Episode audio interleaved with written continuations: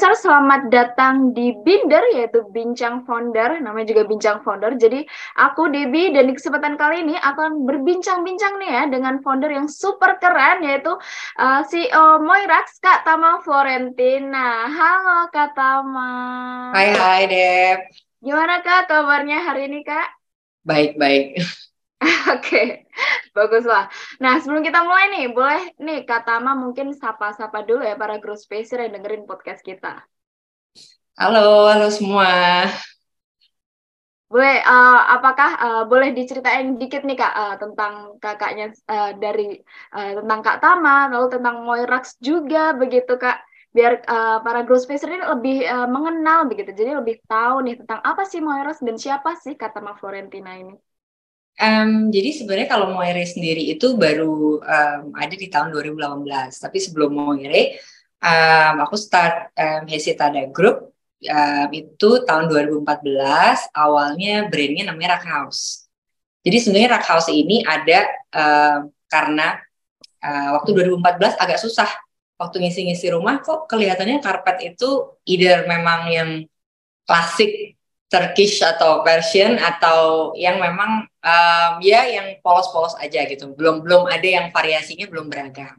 Nah akhirnya um, waktu itu oh ya udah deh coba kita desain desain sendiri. Habis itu um, kerjasama untuk uh, buat karpet nih awalnya seperti itu. Um, dari situ um, tahun dua, dua tahun setelahnya kita mulai punya store. Tadinya soalnya aku sambil corporate jadi masih uh, part time lah bisnisnya. Waktu bisnisnya udah mulai lumayan, akhirnya kita start nih. Oh ya udah dah, um, keluar aja dari ini dari corporate kita um, punya store aja. Aku tuh mimpinya tuh cuman standar aja, jadi punya store nanti kalau misalkan anak-anak sekolah uh, nantinya kalau udah aku tuh masih baby anak aku hmm. uh, habis itu bisa ke toko. Cuman gitu aja pikirannya as simple as that. Um, ternyata setelah tiga tahun Hmm. Kayak wah ini mulai repot, mulai susah ya kalau bikin karpet, tapi harus kerja sama sama orang lain. Um, kalau mau R&D lama, mau sampel juga agak butuh waktu. Akhirnya kita putusin untuk uh, punya produksi sendiri. Okay, nah setelah jadi... punya produksi sendiri, ternyata kita masih kapasitasnya tuh masih lebih gitu loh. Nah dari situ akhirnya kita come up with the idea bahwa kita harus ada brand lain nih, bukan cuma Rack House aja. Either mau ke high end atau mau ke yang lebih murah. Cuma kita mikir lagi kalau misalkan lebih murah berarti kan kualitas dan lain-lainnya harus diturun ya downgrade. Jadi kayak mm. enggak lah kita masuk ke bangsa high end. Setelah masuk di high end ini uh, istilahnya semuanya mulai mulai sibuk, mulai berubah, mulai berkembangnya sangat pesat saat ada Moire. Karena tadinya oh, Rack House itu cuma retail aja. Iya ternyata yang tadinya kita pikir bahwa wah ini kalau misalkan kita jual barang mahal ini orang agak susah nih nerimanya. Ternyata ad, tetap ada marketnya itu ada. Sedangkan market high end ini kalau misalkan udah udah dapat kita udah cocok dia tuh willing to spend gitu Nah, jadi sebenarnya awal permulaannya berkembang dengan pesatnya setelah ada Moire di 2018. Oke, jadi malahan kakak mendiscover market yang uh, baru gitu ya kak malah? Iya benar, benar. Jadi yang tadinya kayak um, kalau Rack House itu sebenarnya harganya masih harga normal lah ya. Mm-hmm. Um, banyak lah kalau di sini kan yang sekarang udah banyak lah ya toko-toko jual karpet atau misalkan department store atau apa jual karpet juga um, head to headnya sama mereka. Jadi uh, Rack House sekarang hanya online. Tapi kalau Moire sendiri um, ini tuh kita udah memang spesifik sekali gitu loh. Oh ini kita high end. Kadang-kadang orang agak penasaran sebenarnya karpet ini harganya berapa sih sampai dibilang mahal. Kayak seperti itu. Jadi um, memang nggak mudah kalau di dunia high end tuh nggak mudah. Jadi saat orang berbelanja dari awal sampai akhir itu kita harus kasih experience. Jadi experience dari mereka saat datang ke showroom atau misalkan dia masih tanya-tanya via WhatsApp, itu experience-nya seperti apa. Sampai dia datang ke showroom either mau beli atau cuma mau tanya-tanya aja sampai kalau memang beli terus jadi barang dan barang itu diantar. Jadi dari situ tuh experience-nya sudah mulai ter tergambar kayak gitu. Berarti emang customer service-nya emang lebih effort ya kan? Iya, effortnya lebih bukan cuma customer yeah. service ya sebenarnya kalau misalkan marketingnya juga kayak gitu. Kalau misalkan biaya marketing, oke okay lah kita uh, mungkin kalau produknya standar kita pameran aja nih. Misalkan um, bazar atau misalkan ikut pameran apa aja lah bisa ikut pameran. Cuman saat high end kita mesti uh, kita mesti konsekuen gitu loh. Kalau misalkan marketnya udah di situ, mau ikut bazar pun, mau ikut apa pun, bukan uh, atau pameran atau ada event atau kita nyelenggarain apa pun tuh mesti dipikirin. Hmm, benar-benar. Nah kak, tapi kan ini berarti ada uh, tiga brand nih kak dari Moire, yeah. Hello Rock House dan juga Rock Labs. Dan Rock Labs ini apa nih? Apakah R&D-nya atau apa tuh kak? Rock Labs itu sebenarnya um, edukasi. Jadi kita tuh kan memang uh, punya produksi sendiri. Jadi memang kita tuh uh, the only one yang di high end yang punya produksi sendiri sampai kita ada di edukasi. Jadi kita maunya dari hulu sampai ke hilir.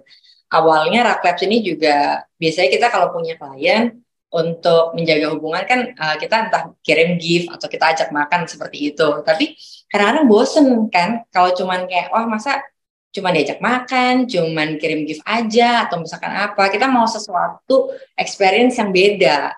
Nah, akhirnya kita tawarin, eh mau nggak sih nyobain misalkan tafting kayak gitu. Jadi tahu nih gimana buatnya segala macam. Jadi kita datang nih ke tempat mereka. Jadi mereka kayak tim bonding gitu.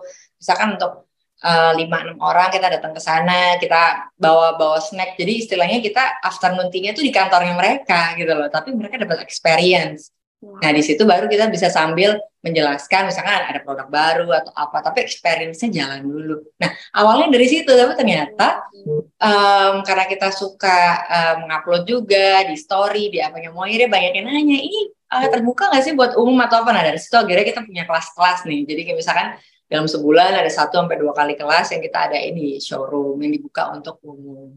Oke oke, menarik banget ya karena uh, mungkin orang-orang mikir ya kayak karpet ya udahlah maksudnya uh, apa sih spesialnya begitu? Iya iya iya. Iya ya kan kayak um, bahkan kakak aja gue juga kayak bingung ah, kenapa sih kok kakak dulu kayak terlalu mikirin sedalam itu gitu tentang karpet begitu tapi ternyata dengan Rock Labs ini ternyata baik juga orang-orang yang interest dan juga uh, jadi lebih tahu nih ternyata uh, lumayan uh, oke okay juga nih uh, kalau misalnya karpetnya uh, ada model-model seperti ini atau yang ya, beda-beda begitu kan ya. Mm-hmm.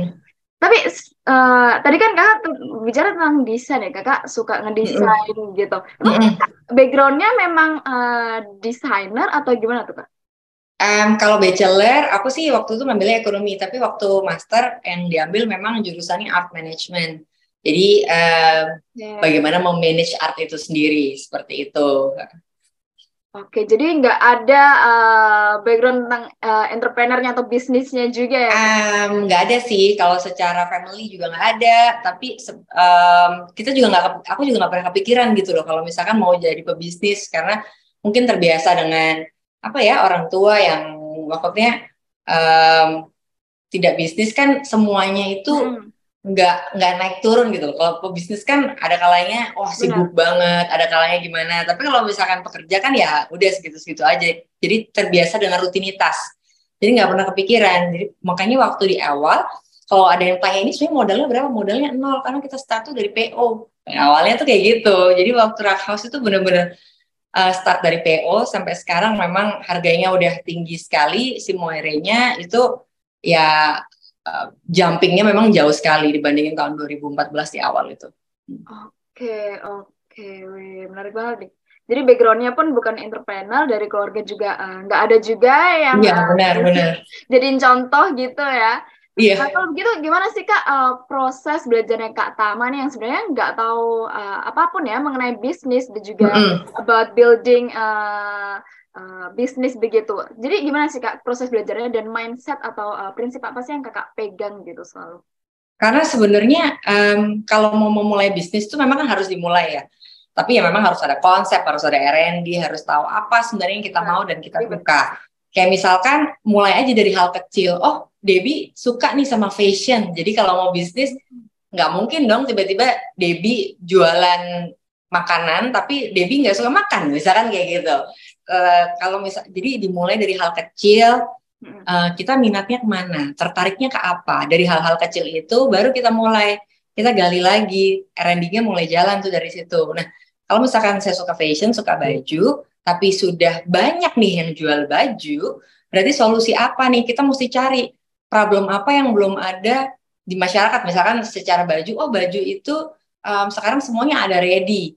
Uh, baju itu sekarang semua udah ada nih model anak-anak dewasa atau apa. Ya mungkin ada ide oh kalau custom biasanya lama. Oh gimana kalau misalkan kita punya ide bikin baju tapi custom bisa cepat atau apa? Itu misalkan ya. Hmm. jadi uh, dari misalkan produk apa yang kita pilih kita mesti tahu masalahnya yang ada itu apa yang kita bisa solve gitu loh. Jadi intinya seperti itu. Jadi um, bisnis kalau menurut aku sih harus dimulai dari jawaban atas problem-problem yang ada. Jadi solusi kayak gitu. Jadi jangan um, jangan ikut tren juga kayak oh semua lagi jualan boba kita jualan boba. Nanti saat bobanya udah nggak tren jadi bingung hmm, lagi kita mau jualan apa? Kayak gitu. Jadi um, satu mesti disuka terus kita R&D-nya uh, mulai jalan. Terus problemnya itu yang mau diangkat apa? Sama kecil-kecilan bikin survei ke sekitar entah ke keluarga atau ke teman. Misalkan bikin survei uh, kira-kira 10 soal atau apa. Uh, kira-kira kalau misalkan um, baju untuk um, customize atau misalkan untuk baju ready tapi polos-polos harganya uh, aku jual range 200 ribu sampai 250 oke okay, enggak kayak gitu. Tapi misalkan ada pilihan lagi atau misalkan harganya mahal sekali nih harga 700 sampai 800 cuman kaos putih oke okay, enggak jadi dari situ kita bisa dapat beberapa feedback kan bahwa oh ternyata untuk sebuah kaos putih sebenarnya putih polos yang kita susah cari, orang itu mau loh spend 500 ribu asalkan kaosnya begini, begini, begini. Jadi dari situ kita dapat dapat input. Ah, oke okay, oke. Okay. Jadi mulai-mulai terjawab kan di situ. Oke okay lah kita mau jual baju. Ternyata custom baju itu lama. Oh kita maunya deh kaos putih aja. Tapi kaos putihnya seperti apa? Nah dari situ bisa dijadikan um, step awal memulai bisnis itu sendiri seperti itu. Nah ini dari kakak gue jadi belajar seberapa pentingnya mengenali market sih? Nah itu bener banget loh sebenarnya okay. kelihatannya sih nggak penting ya, cuman hmm. uh, actually itu penting banget. penting banget, penting banget karena ya yang beli ya mereka mereka juga kan. Gitu. Bener, bener okay. karena mau kalau kita mau jualan untuk anak 15 sampai 20 tahun sama targetnya ternyata di 35 sampai 45 itu kan beda juga ya produknya yang harus diproduksi dan uh, secara harga, secara range produk dan marketingnya juga berbeda. Nah, makanya juga dari Moire juga um, menyediakan customized produk kan ya Kak, yang bisa um, disesuaikan begitu seleranya. Nah, tadi Kakak um, yang aku uh, dengar-dengar ya dari cerita Kakak itu memang uh, Kakak ini sangat-sangat uh, berhati-hati begitu. Bukan berhati-hati yang jelek ya, tapi adalah yeah. Iya. uh, um, harus tahu dulu maunya apa, harus uh, mm -hmm. cari solusinya gitu-gitu. Nah ini dan yang aku lihat juga dari artikel dan juga dari interview kakak sebelumnya, ini kakak sering banget ngomongin tentang slow growth and uh, slow growth dan sustainability begitu kak. Sebenarnya apa sih uh, makna uh, sustainable brand gitu uh, menurut kakak begitu? Soalnya kan um, kalau Moire memang bootstrap ya, jadi kita memang nggak ada um, funding dari mana-mana. Memang belum cari sih. Bukan berarti yang yang ada funding tuh nggak bagus. Ini kan jalannya sendiri-sendiri ya. Cuma either kita dapat funding atau mau bootstrap juga, um, kita mesti berpikirnya tuh panjang, long term. Kalau mikirin egonya founder, mau aja kayak, oh aku mau nih buka cabang di mana-mana, yeah. atau misalkan um, diskon besar untuk dapetin apa, atau cuman hmm. sekedar wah ini produknya besar nanti sahamnya bisa dijual kita udah balik modal. Kan pemikiran founder itu macam-macam. Cuman kalau kalau dipikirkan mau seberapa lama sebenarnya bisnis ini bertahan? Mau seberapa lama um, kita itu istilahnya mengayomi karyawan yang yang ada bekerja sama kita. Karena saat kita udah punya bisnis yang kita pikirkan itu bukan hanya diri kita sendiri cuman uh, semua orang yang bergantung pada perusahaan kita itu kita mesti pikirin seberapa besar. Misalkan karyawan kita ada berapa? Anggap aja misalkan 10 ya, yang gampang ya, hmm. 10. Tapi ternyata mereka sudah berkeluarga semua, sudah punya anak. Itu dari 10 tiba-tiba jadi 30 orang gitu. Benar, benar. Hmm, ada 30 orang yang setiap bulannya harus kita pikirkan kehidupannya. Nah, jadi dari situ jadi yang pelan-pelan aja yang penting pasti. Kan sebenarnya uh, berkembangnya suatu perusahaan tuh nggak harus langsung jumping dari misalkan oke okay lah um, omsetnya tahun ini misalkan uh, eh, 5 juta terus tiba-tiba kita mau jumping langsung 100 juta itu kan kayak wow 20 kali jumping yang dilakuin kan harus 20 kali lebih keras. Benar. Mungkin Risikonya pemikirannya harus dirubah. Gimana kalau jumpingnya cuma lima kali jumping aja jadi 25 juta aja. Nah, itu kan lebih lebih nggak terlalu ngoyo, lebih achievable juga. Terus um, kita harus tahu juga sebenarnya kesiapan tim kita untuk berkembang itu seperti apa. Jadi boleh kita nge-push, hmm. tapi mesti tahu juga ini SDM di perusahaan tuh seperti apa atau SDM di tim kita seperti apa. Sudah mampukah untuk misalkan jam sampai 20 kali atau lima kali aja ini mereka udah agak ngos-ngosan kayak gitu. Akhirnya oke okay lah, misalkan lima kali ngos-ngosan, kita push mereka dulu dari lima kali. Nah tahun berikutnya baru dilihat lagi. Biasanya dari situ udah mulai kedengeran nih, wah gila ini um, apa sekarang susah banget nih, udah nggak santai, di pushnya jadi lebih keras. Ini biasanya akan tereliminasi dengan sendirinya, gitu. Kita akan kelihatan mana nih yang bisa dipush, mana yang ternyata nggak bisa dipush. Nah dari situ biasanya kita baru tahu, oh oke okay, kalau yang bisa dipush ini bisa kita uh, bisa misalkan dijadiin leader, kita nambah tim pelan-pelan. Jadi dari situ terlihat gimana kemampuan mereka saat ada di posisi memang kita mau growth agak lebih kencang tapi jangan langsung tiba-tiba kencang banget itu agak susah juga ya. Oke oke. Wih menarik banget nih. Uh, aku melihatnya ini kayak kakak memang uh, ini ya sangat apa sih bahasa meticulous atau apa ya namanya? Yang juga dari uh, mark, uh, dari customer juga kakak uh, mengenalinya pelan-pelan juga harus paham hmm. juga dari tim internal juga kakak juga like uh, really really good leaders ya aku melihatnya ya.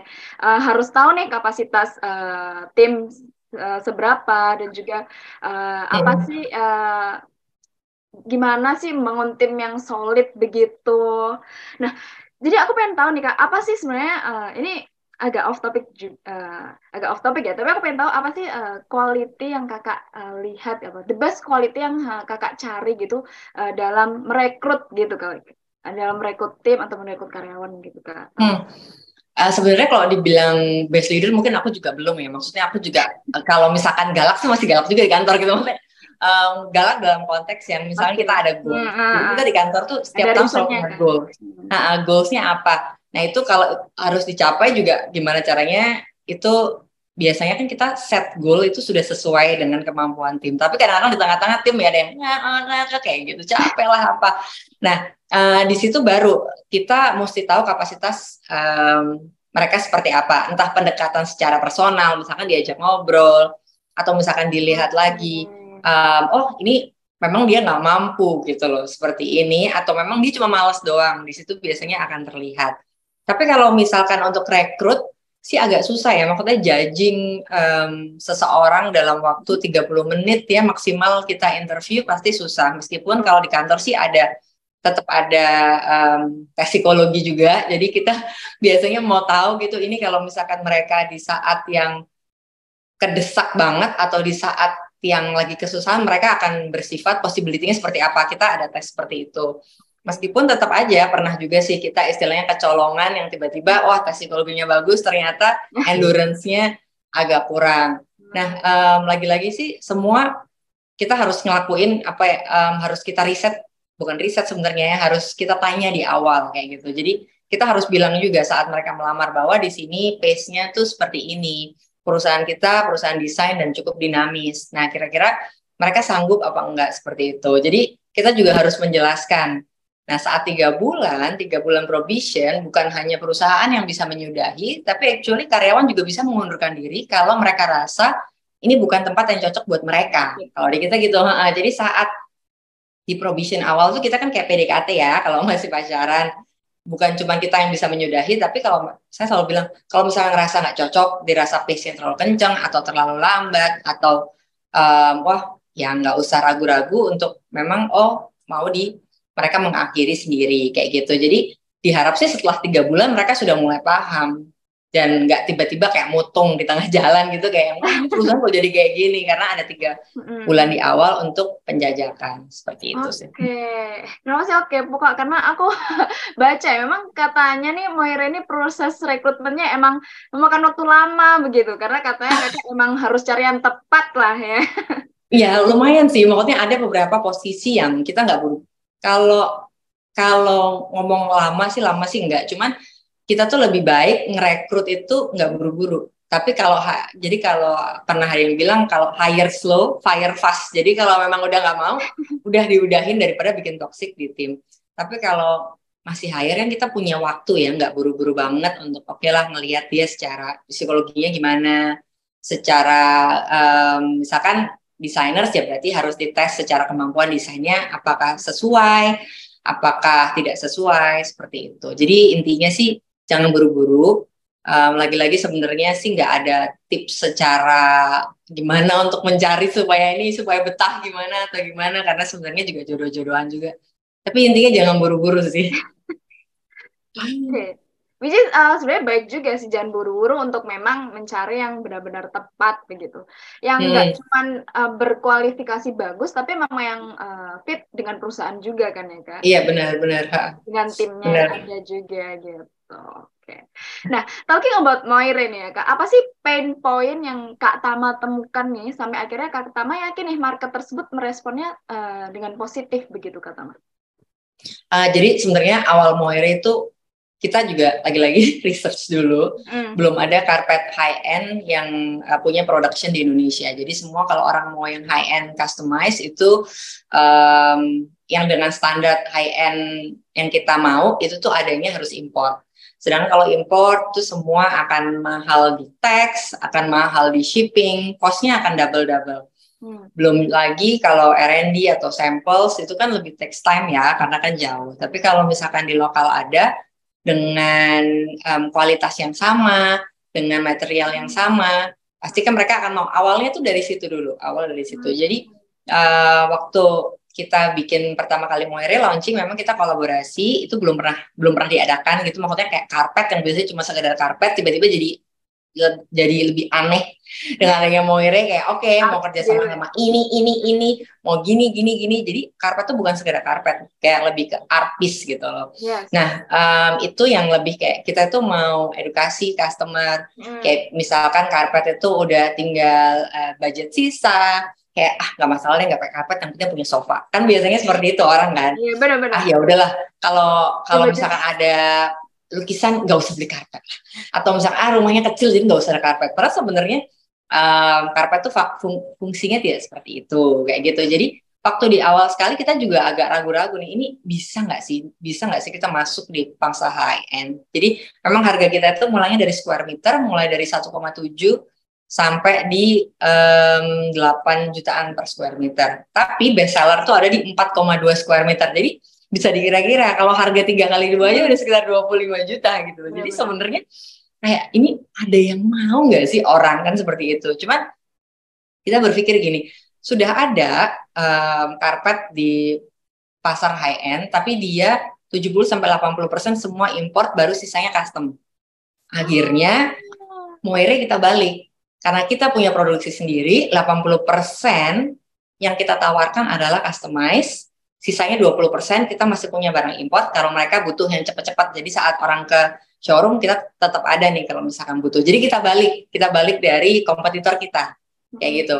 Karena kan um, kalau sama ya sama aja kita nggak nggak memecahkan problem yang ada gitu. Akhirnya ya udahlah kita kita um, kita balik. Nah dengan dibalik itu yang menonjol dari kita adalah si customize-nya, which is sebenarnya juga pasti kompetitor juga akan berusaha seperti itu dengan hmm. jual harga lebih murah atau apa. Cuman kita uh, waktu itu sempat ada tim sales juga tanya, wah ini kita kalah nih bu tender atau enggak misalkan kita pitchingnya katanya terlalu mahal seperti ini.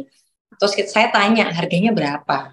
Wah ternyata harga modal kita aja lebih tinggi dari itu. Nah dari situ yang kita harus um, rubah mindset dari tim kita bahwa barang kita tuh bukan mahal. Kalian tahu dengan harga segini bahannya tuh seperti ini. Punya kita dengan harga segini, bahannya tuh seperti ini. Mungkin sama ya, misalnya kalau baju yang lebih gampang kali katun. Katun dan katun, tapi kan katun itu kan ada grade-nya juga gitu loh. Nah, itu yang kadang-kadang nggak dipaham oleh customer. Tugas kita untuk mengedukasi si customer untuk paham bahwa kita tuh bukan mahal, tapi seperti ini. Lagi-lagi harus penjelasan sih, and text time.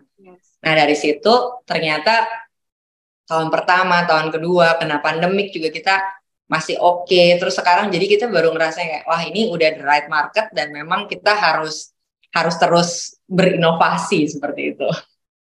Oke oke keren loh. Aku emang uh, waktu ada pandemi pun Moire tetap berjaya, nggak ada PHK pun salah satu ada, pun dari ada. karyawan keren banget. Nah, kalau dari uh, stra secara strategik nih kayak tiga poin -hmm. apa sih yang paling dibutuhin untuk uh, survive di industri luxury brand ini, Kak Tama? Um, kalau tiga strategik mungkin satu ya kita mesti tahu um, habit dari customer kita seperti apa. Oh. Uh, intinya seperti itu habitnya seperti apa. Terus um, barang atau produk yang kita jual juga kita harus tahu. Jadi harus tepat juga. Jadi selain market, terus uh, produknya sendiri, sama um, strategi marketing yang harus digunakan. Karena kalau misalkan high end, kita juga nggak bisa asal untuk strategi marketingnya. Kayak misalkan, oke okay, um, kita mau kirim ini nih, mau kirim samples atau kita ada produk baru, kita mau kirim katalog. Nah katalognya juga harus diperhatikan. Nggak bisa cuman selembar flyer kayak misalkan kita temui di supermarket, misalkan seperti itu. Kalau di supermarket, flyer itu bagus karena produknya adalah produk mesh kayak gitu kan menjual F&B perlu warna-warna yang cerah yang ceria supaya orang attract. Tapi saat high end barang apa yang kita jual terus kita mainnya ada di warna-warna apa? Nggak mungkin tiba-tiba Moire keluar dengan warna merah kuning hijau flyernya seperti itu. Jadi semuanya tuh harus dipikirin elemen-elemen untuk penunjang si marketing itu sendiri. Seperti itu